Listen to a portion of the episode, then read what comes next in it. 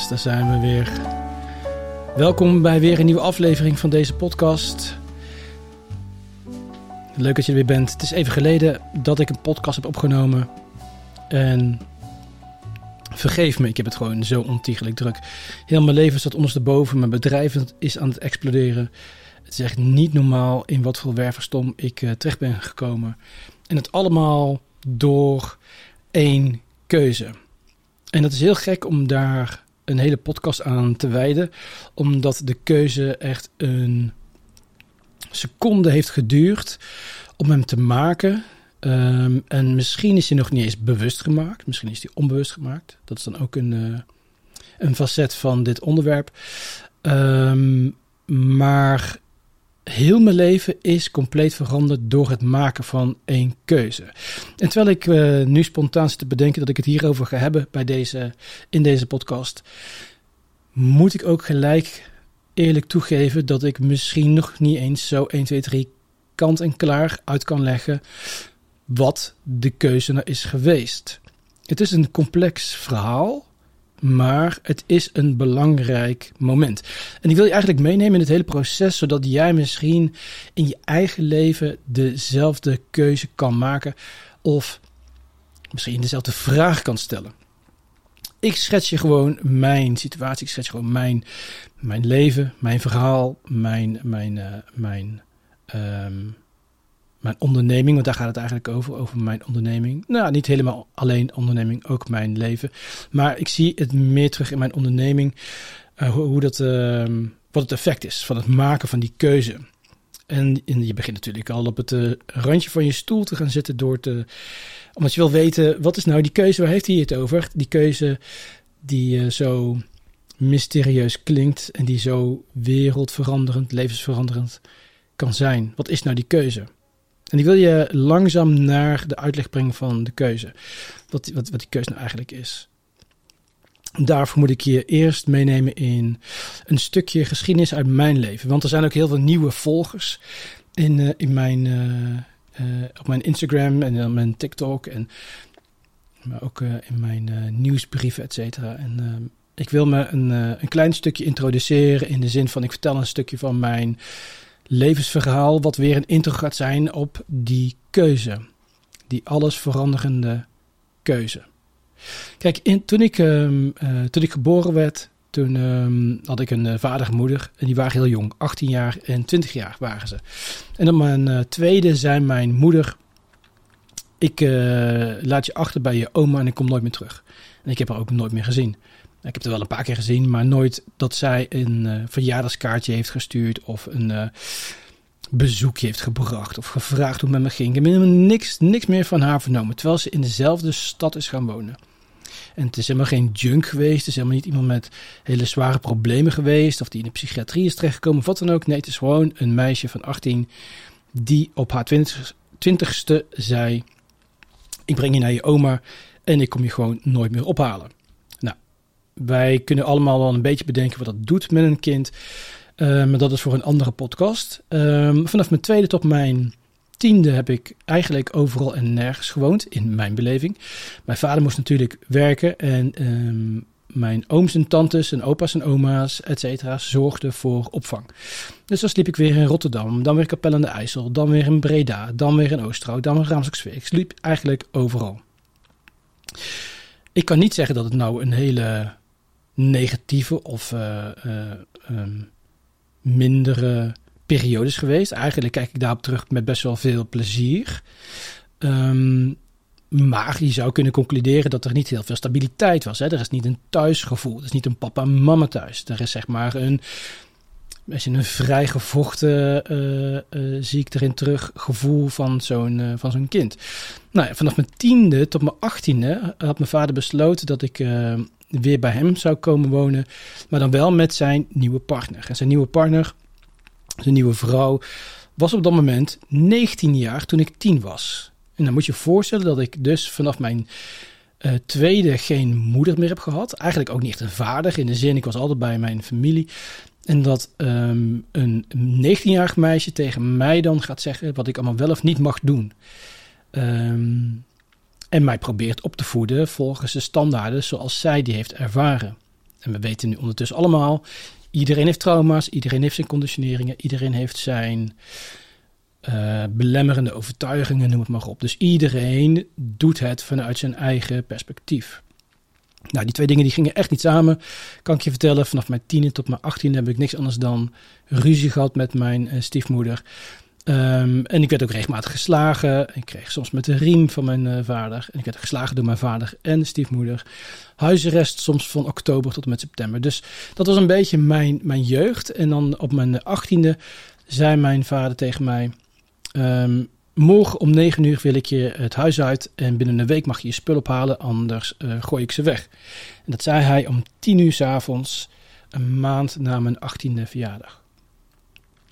Zo stond ik op straat om mijn 18e zonder eten of drinken of onderdak, zonder dat ik geleerd had hoe je met geld om moest gaan, zonder dat ik geleerd had hoe je jezelf veilig moest stellen, onderdak, wat dan ook. Uh, ik had wel gewoon werk, maar um, ik had niet echt iets geleerd hoe ik nou voor mezelf moest zorgen.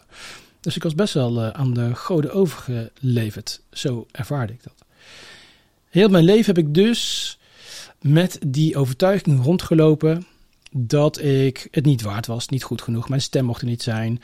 Um, alle kleinerende opmerkingen van, um, van mijn stiefmoeder, die uh, nam ik mee. Um, niemand uh, is geïnteresseerd in mij, niemand wil nog iets met mij te maken hebben, et cetera. Dus daar, zo, ga, ging ik het leven in.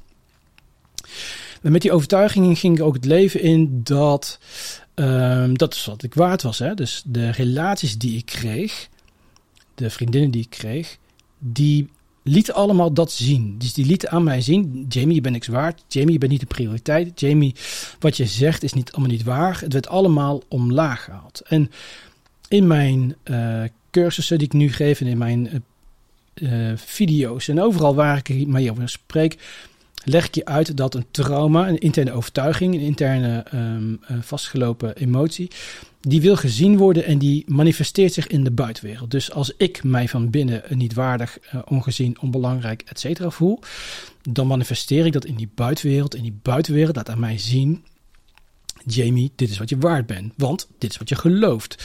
Wij, wij reflecteren, wij het leven, wij reflecteren aan jou, jouw interne overtuiging. Dus ik had een aantal relaties achter elkaar uh, met allemaal uh, vrouwen die een element uh, weerspiegelden waar ik in geloofde. De dingen die je zegt is niet waar, je bent geen prioriteit, ik hoef niet trouw aan jou te zijn, etc. En de meisjes die ik wel, die dus wel dit allemaal aan mij wilden geven, daar voelde ik mij helemaal niet thuis bij. Dat was helemaal niet, dat resoneerde niet, dat was ik niet. Dus dat ging ook heel snel weer uh, door mijn fouten ging dat helemaal, uh, helemaal kapot. Oké, dus mijn, mijn leven was eigenlijk een soort van manifestatie, niet alleen in relaties, maar ook in een tekort aan geld, een tekort aan stabiliteit, geen fijn huis, et cetera. Dus het werd continu maar gemanifesteerd in die buitenwereld. Totdat ik eigenlijk zelf dus kon zien, zo binnen zo buiten, waar ik van binnen van overtuigd was. En op een gegeven moment begon ik een. Uh, ik vond motorrijden leuk en ik ging ik motorrijvlogjes maken, dus videovlogjes. En um, ging dan praten. En iemand zei tegen mij op een gegeven moment: van... Hey, um, je praat een beetje hoog in je stem. Nou, dat vond ik natuurlijk als man helemaal niet leuk om te horen. Ik denk, praat hoog in mijn stem. Ik wil me niet hoog in mijn stem uh, praten. Ik wil als een man klinken. En zeker als ik een motorrijvlog uh, maak, toch? En toen zei mijn toenmalige vriendin van... Ik ken een meisje, een, eh, een vriendin van, eh, van ons, en die is eh, stemcoach. En misschien moet je daar eens naartoe. En ik dacht, ja, fuck it, ga ik toch gewoon daar naartoe. En ik ging daar naartoe en ik dacht, ik ga een hele middag ga ik brullen en schreeuwen en mijn stem helemaal loswrikken en weet ik veel wat. Maar dat was helemaal niet. In plaats dat ik dat soort opdrachten van haar kreeg, ging zij een anderhalf uur lang gesprek met mij aan. En ze ging met mij praten over één vraag Leef jij je authentieke leven? Nou, ik wist natuurlijk gelijk het antwoord. Ik wist gelijk dat ik in een relatie zat waarin alles wat ik zei als niet waar werd eh, bestempeld. Ik wist natuurlijk dat ik al lang veel meer ambitie en potentie in mezelf had dan dat ik er nu uitkreeg. En, uh, ik was toen fotograaf en filmmaker. En daar zag ik ook dat de, de resultaten, het succes eigenlijk um, wegbleven. Hoe hard ik ook werkte, het resultaat was altijd net niet goed genoeg, net op het randje, net dit, net dat, et cetera. En na dat gesprek ben ik dus eigenlijk um, nagegaan wat mijn authentieke zelf dan echt is. Wat is mijn authentieke leven. En toen begon, het hele, mijn, toen begon mijn hele reis naar traumaheling. De hele reis om mijn eigen trauma's aan te kijken. De hele reis naar wat voor overtuiging heb ik in mijzelf, die mij dus vertellen dat mijn stem er niet mag zijn. Dat ik dus niet van waarde ben. Dat mijn meningen niet mag zijn. Dat ik geen, uh, geen inzichten te, te, delen heb. Dat ik alleen maar uh, moet volgen. Waar zit die overtuigingen? En ik ben toen een podcast begonnen en je luistert nu naar de zoveelste aflevering daarvan. En die podcast was een exercitie voor mij om mijn stem te laten horen en op zoek te gaan naar uh, trauma en authenticiteit en dit soort uh, dingen. En het grappige is, naarmate ik dus meer die rol in ging nemen, ik laat wel mijn stem horen en ik ga wel mijn authentieke leven leiden, hoe meer positieve reacties ik kreeg. Ik kreeg echt duizenden, duizenden reacties van mensen die na het luisteren van de podcast, de gesprekken die ik voerde met andere mensen over trauma, dat zij hun eigen trauma eindelijk aan konden kijken. En dat ze eindelijk stappen konden maken in hun eigen proces. En sommigen die waren zelfs zo ver gekomen dat ze aan het hele waren. En allemaal door de keuze die ik maakte. En dit is niet de keuze waar ik het vandaag over heb. Maar de keuze die ik toen maakte. Om mijn authentieke leven te gaan leiden. En dus mijn stem te laten horen. En dus mijn inzichten te laten horen. En na die podcast ben ik op een gegeven moment begonnen met mijn eigen, trauma, met een eigen coaching uh, traject. Dus ik ging bij iemand in coaching. Um, ik ben een stukje gaan studeren. Ik heb ayahuasca gedaan. Dus ik heb een heel traject aan traumaheling en studeren. En ik noem het meester worden van het trauma. Uh, dat proces heb ik helemaal doorlopen. En op een gegeven moment ben ik mensen gaan coachen. In het begin deed ik dat gratis. 25 gesprekken van een uur. Ik noemde dat thema talks. En mensen die bij mij kwamen, die um, transformeerden echt. En ik had nog nooit in mijn leven de ervaring gehad dat mijn inzichten van waarde waren voor een ander. Dat andere mensen konden groeien, konden helen, konden um, bewegen door hun eigen stukken, door mijn inzichten. En het was mega motherfucking mindblowing dat dit kon. En toen zei ik van ik ga hier mijn, uh, ik ga mijn passie volgen, ik ga hiermee door, ik ga coaching echt als beroep invullen. En ik was nog steeds fotograaf en filmmaker. En mee dat ik die keuze maakte, weer niet de keuze waar ik het vandaag over ga hebben, maar toen ik die keuze maakte, en nog niet eens van ik ga stoppen met fotografie en film, maar ik ga gewoon uh, meer energie steken in het coachen, kreeg ik in één keer zoveel coaching uh, cliënten dat ik moest stoppen met fotografie en film, omdat er gewoon geen tijd meer voor was. Dus ik ging mijn authentieke leven leiden, de, het leven waar um, Alice, de stemcoach, in het begin van dit hele proces mij vroeg of ik het wel aan het leiden was. Wat het antwoord natuurlijk nee was. En ik ging dus nu meer mijn authentieke pad leiden, afvolgen. Oké, dus mijn coaching business is, is, aan de gang. Ik krijg cliënten, ik krijg cliënten en het wordt beter en beter en beter. En ik kom weer, en nu kom ik eigenlijk langzaam bij die grote, die grote uh, keuze. Ik kom financieel gezien weer bij een bepaalde omzet die ik heel mijn leven als fotograaf en filmmaker heb gehad. En dat is een bepaalde omzet die um, net, net aan voldoende is om leuk te kunnen leven. Je kunt op vakantie, je kunt dit, je kunt een autootje kopen, whatever. Niks om te klagen. Eigenlijk kan je daar gewoon goed mee uit de voeten. Maar als je dan samen gaat wonen, dan wil je wel iemand naast je bestaan die ook zoveel verdient. Want als jij in je eentje dat moet gaan dragen met z'n tweeën, voor je, uh, hun tweeën, ons tweeën, dat gaat dan niet zo heel erg goed uh, lukken. Oké, dus ik had natuurlijk ondertussen al geleerd dat alles wat je in je buitenwereld ervaart, de weerspiegeling is van je interne overtuiging. Dus het feit dat ik telkens maar tegen een financieel plafond aanliep en niet mijn bedrijf, zowel fotografie als film, als coaching, dat ik het maar niet verder kon ontwikkelen, was een interne overtuiging. En die interne overtuiging die had ik allemaal aangekeken, dacht ik. Ik had natuurlijk heel veel eh, werk al gedaan op, um, op traumaheling, op belemmerende overtuigingen. Dus ik dacht dat ik die overtuiging wel had aangekeken en dat ik nu wel in volledige overvloed zou gaan leven. En toen zei ik, weet je wat ik ga doen? Ik ga een uh, business coach um, benaderen. Ik ga investeren in mijzelf. En misschien is het eigenlijk wel een onderdeel van die hele grote keuze waar ik het over heb. Want toen ik deze keuze maakte, ik ga investeren in mijzelf. Ik ga op zoek naar mijn blinde vlekken. Ik ga geloven in mezelf. Ik weet dat er meer, is te meer te halen is. Ik weet dat ik meer kan. Het is allemaal gebundeld in een keuze. Ik ga heel veel geld neerleggen voor een coaching traject of een coaching. Dit waren eigenlijk maar een paar coachinggesprekken. We praten hier over duizenden euro's. En die investering die, eh, die wilde ik maken, dus in die keuze, dat is eigenlijk dus misschien wel stap 1 van de grote keuze, een onderdeel, een, een, eh, de, de, eerste fase. Die keuze die ik maakte, ik ga investeren in mijzelf.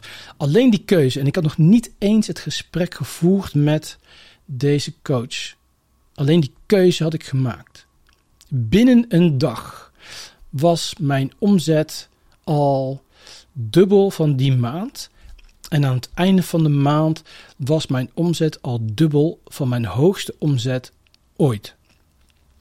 Alleen al de keuze maken. Ik ga investeren in mezelf. Ik ga kiezen voor mezelf. Ik geloof dat er meer potentie is. En ik durf mijn shit aan te kijken. Dat is eigenlijk de eerste keuze, de eerste fase van die hele grote keuze. En dat is heel wat anders dan op zoek gaan naar je zielspad, et cetera. Dit is echt een diepere keuze waarin jij voor het punt staat. Hey, ik heb het best wel goed gedaan tot nu toe. Ik heb best wel veel shit aangekeken. Maar ik loop nu tegen het plafond aan. En hoe kan dat? Waar, wat, wat houdt mij tegen? Blijkbaar is er iets in mijzelf wat ik niet durf te zien. En wat heb ik ervoor over om dat te zien? En die waarde die ik eraan koppelde door de investering te maken, die kreeg ik in tienvoud terug. Niet letterlijk tienvoud, dat is altijd wel heel erg veel geweest, maar um, wel in, uh, in veelvoud kreeg ik dat terug. Dus mijn omzet was in die maand al twee keer uh, hoger dan de hoogste omzet die ik ooit in mijn leven gehad had. Oké, dus ik was heel erg blij. Dus ik had uh, die, uh, die, dat punt had ik bereikt. En ik had echt een mega mooie omzet. Nog nooit zo'n hoge omzet gehad. En ik ga dat gesprek in met deze business coach. En deze business coach. Ik zei tegen haar: Ik wil bij jou omdat jij met gestrekt been erin gaat. Ik ga bij jou omdat jij durft om heel hard te confronteren. Want anders kom ik niet doorheen. Anders kom jij er niet doorheen. Want dat geaai en mensen die bij mij in een coaching traject zitten, die weten precies dat ik ook zo werk. Als we gaan aaien, als we heel veel lief gaan zijn in een compassie. En dat snap ik allemaal wel, dat is hartstikke mooi. Maar als we die route ingaan, dan komen we niet bij die donkerste plekken die jij zo hard aan het beschermen bent. Waar de bron zit van alle trauma. Dat geloof ik. Dat is mijn aanpak. En mijn aanpak is blijkbaar tot nu toe heel erg succesvol. Dus we zitten op de goede weg. Maar ik had dus ook zo iemand nodig die tegen mij zei: Je hebt een heel mooi uh, opgebouwd, maar die gaan we even onderuit halen. En deze business coach zei tegen mij: Jamie, je bent ijsjes aan het verkopen. Je bent niet je goud aan het verkopen. Je bent ijsjes aan het verkopen. Je bent softijs aan het verkopen aan iedereen die het maar wil hebben. Dat was zo fucking confronterend, omdat ik dus mezelf moest af gaan vragen: waarom doe ik dat? Waarom ga ik iedereen die maar met trauma rondloopt proberen te helpen? En ik heb natuurlijk heel veel gratis video's gemaakt op TikTok en Instagram. En ik krijg dagelijks, letterlijk dagelijks, berichten van mensen die zeggen: alleen al deze gratis video's helpen mij helen helpen mij om een relatie te verbeteren met mijn ouders. Helpen mij mijn relatie te verlaten omdat die niet gezond was voor mij. Helpen mij hier, helpen mij daar. Dus er is heel veel waarde en ik blijf dat ook doen met liefde. Maar wanneer we gaan kijken naar mijn business, dan was ik nog steeds mijn aanbod aan het verkopen aan iedereen die het maar zou willen. En dan kreeg ik de vraag, maar word je dan blij van iedereen? Maakt iedereen jou even energiek? Krijg je na elk gesprek het gevoel van, ja, hier wil ik het tien van hebben? Nou, als ik heel eerlijk ben, niet. Sommige mensen die zijn op een bepaalde, uh, staan op een bepaald punt in hun leven waar ik heel veel mee kan. En sommige mensen staan op een ander punt in hun leven waar het heel veel moeite kost om ze eerst op een punt te brengen waar we kunnen starten met helen. Wil ik ze allemaal helpen? Ja, in principe wel. Waarom wil ik ze allemaal helpen? Dat was de confronterende vraag. En dan, uh, ik had ook eens een keer een filmpje hierover opgenomen van, uh, wil je iedereen redden? En als je iedereen wil redden, wie ben je dan eigenlijk echt aan het redden? De ander of jezelf? En als ik van voor iedereen van waarde kan zijn, als ik van iedereen kan helpen, als iedereen er beter uitkomt, wat voor waarde heb ik dan? Dan ben ik natuurlijk hartstikke veilig en dan sta ik bovenop een berg. En dan, dan is er geen falen wat gekenmerkt wordt aan mijn diensten, want ik help iedereen. Um, als ik tegen een groep mensen zou zeggen, ja, jou ga ik niet helpen, dan zou ik dus ook de stempel kunnen krijgen, ja, hij is egoïstisch, of hij is aan het falen, of hij doet het niet goed genoeg, et cetera, et cetera. En al die risico's, die probeerde ik stiekem te vermijden. Want ik wilde niet meer in een positie in mijn leven zijn dat ik niet goed genoeg was. Dus ik wilde goed genoeg zijn voor iedereen. En natuurlijk is het heel logisch, hè? terwijl je luistert, denk je bij jezelf: ja, je kunt niet iedereen helpen. Maar als je aan mijn kant van het verhaal zit en je ziet dat heel veel mensen aan het lijden zijn met hun trauma's, is het heel makkelijk om in die rol van helper te schieten. En het nee zeggen tegen sommige mensen is dus die moeilijkheidsgraad. En dus komt de vraag: ga je ijsjes verkopen of ga je goud verkopen? En goud verkoop je dus eigenlijk aan mensen die um, dat kunnen dragen. Iedereen kan een ijsje dragen, niet iedereen kan goud dragen. Uh, dat is hetzelfde met, met, met mijn uh, uh, bedrijfje, met mijn onderneming. Op een gegeven moment kom ik tegen een plafond aan. Dat is wat ik kon dragen. Ik kon dat andere nog niet dragen. Maak ik een keuze, kom ik op het volgende niveau. Dat kan ik dragen. Oké, wie zijn dan de mensen die mijn aanpak kunnen dragen, waarin ik helemaal authentiek kan zijn, waarin ik helemaal mijzelf kan zijn en dat het resoneert en dat ik ze kan helpen en dat we echt samen verder komen en ook nog eens een keer heel erg blij, geheeld, enthousiast, vol, vol liefde en geluk. Wie zijn dat? Is dat iedereen? Nee, dat is niet iedereen. Want er is een hele grote groep mensen die veel meer baat heeft bij. Nou, mijn vriendin is uh, ook traumacoach op, een, op het seksuele vlak. Seksualiteit is haar ingang. Er zijn heel veel mensen die veel beter behatig kunnen. Als je uh, het, het, wil hebben over voelen, over contact maken met je lichaam. Als je het wil hebben over het volledig belichamen van je sensualiteit en seksualiteit. En, en dat de blokkade daarop trauma is. Dan moet je niet bij mij zijn, dan moet je bij haar zijn. Maar wie zijn dan de mensen die bij mij horen, waar ik het meeste bij pas? De confrontatie die ik had met deze business coach, die me eigenlijk onderuit aan het halen was. Met liefde, hè? maar ze was me onderuit aan het halen. Want ik geloofde ergens in. En zij zei: Je gelooft nu iets in iets wat niet bij jou past. Want je gelooft in dat iedereen jouw ijsjes moet kopen. En het moment dat ik dus naar mezelf moest kijken: hoe sta ik hoe sta ik in het leven? Hoe sta ik in mijn business? Hoe sta ik in mijn coaching? Wie ben ik terwijl ik dit aan het doen ben? En ik zag eindelijk dat ik allemans vriend was, als het ware. Ik was allemans vriend. Maar in principe ben ik niet iemand die uh, uh, politiek correct zeg maar alles vertelt. Ik ben meer iemand die uh, met gestrekt been erin gaat. Ik ben meer iemand die mensen confronteert met liefde, maar die mensen confronteert van ja, het is je eigen verantwoordelijkheid. Of die wijst naar systemen in deze wereld die gewoon totaal niet kloppen. En dan heb ik het over uh, natuurlijk de regering en de banken, et cetera. Het zijn allemaal systemen die gericht zijn op het ziek houden van de mens, om ze te onderdrukken, et cetera. Dat zijn mijn um, opvattingen. En niet iedereen kan daarmee. Maar dat is wel wie ik ben. Dus als ik mijn, uh, mijzelf aan ging kijken, uh, hoe ik mijn uh, TikTok, Instagram video's, mijn coaching, mijn podcast allemaal deed, dan was het allemaal best wel gelikt, het zag er allemaal mooi uit. Hè? Mijn cameraatje, licht, dit en alles. Allemaal hartstikke prachtig. Dat iedereen het maar geweldig vindt. En ik luisterde een paar keer naar een podcast van Ilke de Boer. En toen dacht ik van die gozer zit gewoon met een iPhone op straat zijn podcast op te nemen. En ik luister anderhalf uur naar wat hij te vertellen heeft. Want het maakt me geen fuck uit hoe hij het vertelt. Het gaat om de inhoud. En toen wist ik, oké, ik ben dus, ik moet een laag dieper. Ik moet een laag dieper in mijzelf op zoek naar die ware aard, die, die ware Jamie. Die ongegeneerde, ongeremde, ongefilterde, echte pure versie van Jamie. Wie de fuck is dat? Toen ik die keuze ging maken, toen ik die stap maakte, toen ik eindelijk meer begon te zien wie ik echt was. En ik lieg het niet, maar die maand verdubbelde de omzet van de vorige maand. En het is nog nooit zo belachelijk geweest. En dit is nog maar het begin. En de mensen die ehm, ehm, eh, een beetje in de business zitten, of tenminste in de zin die ook ondernemer zijn, die ehm, begrijpen dat het helemaal niet gaat om het geld.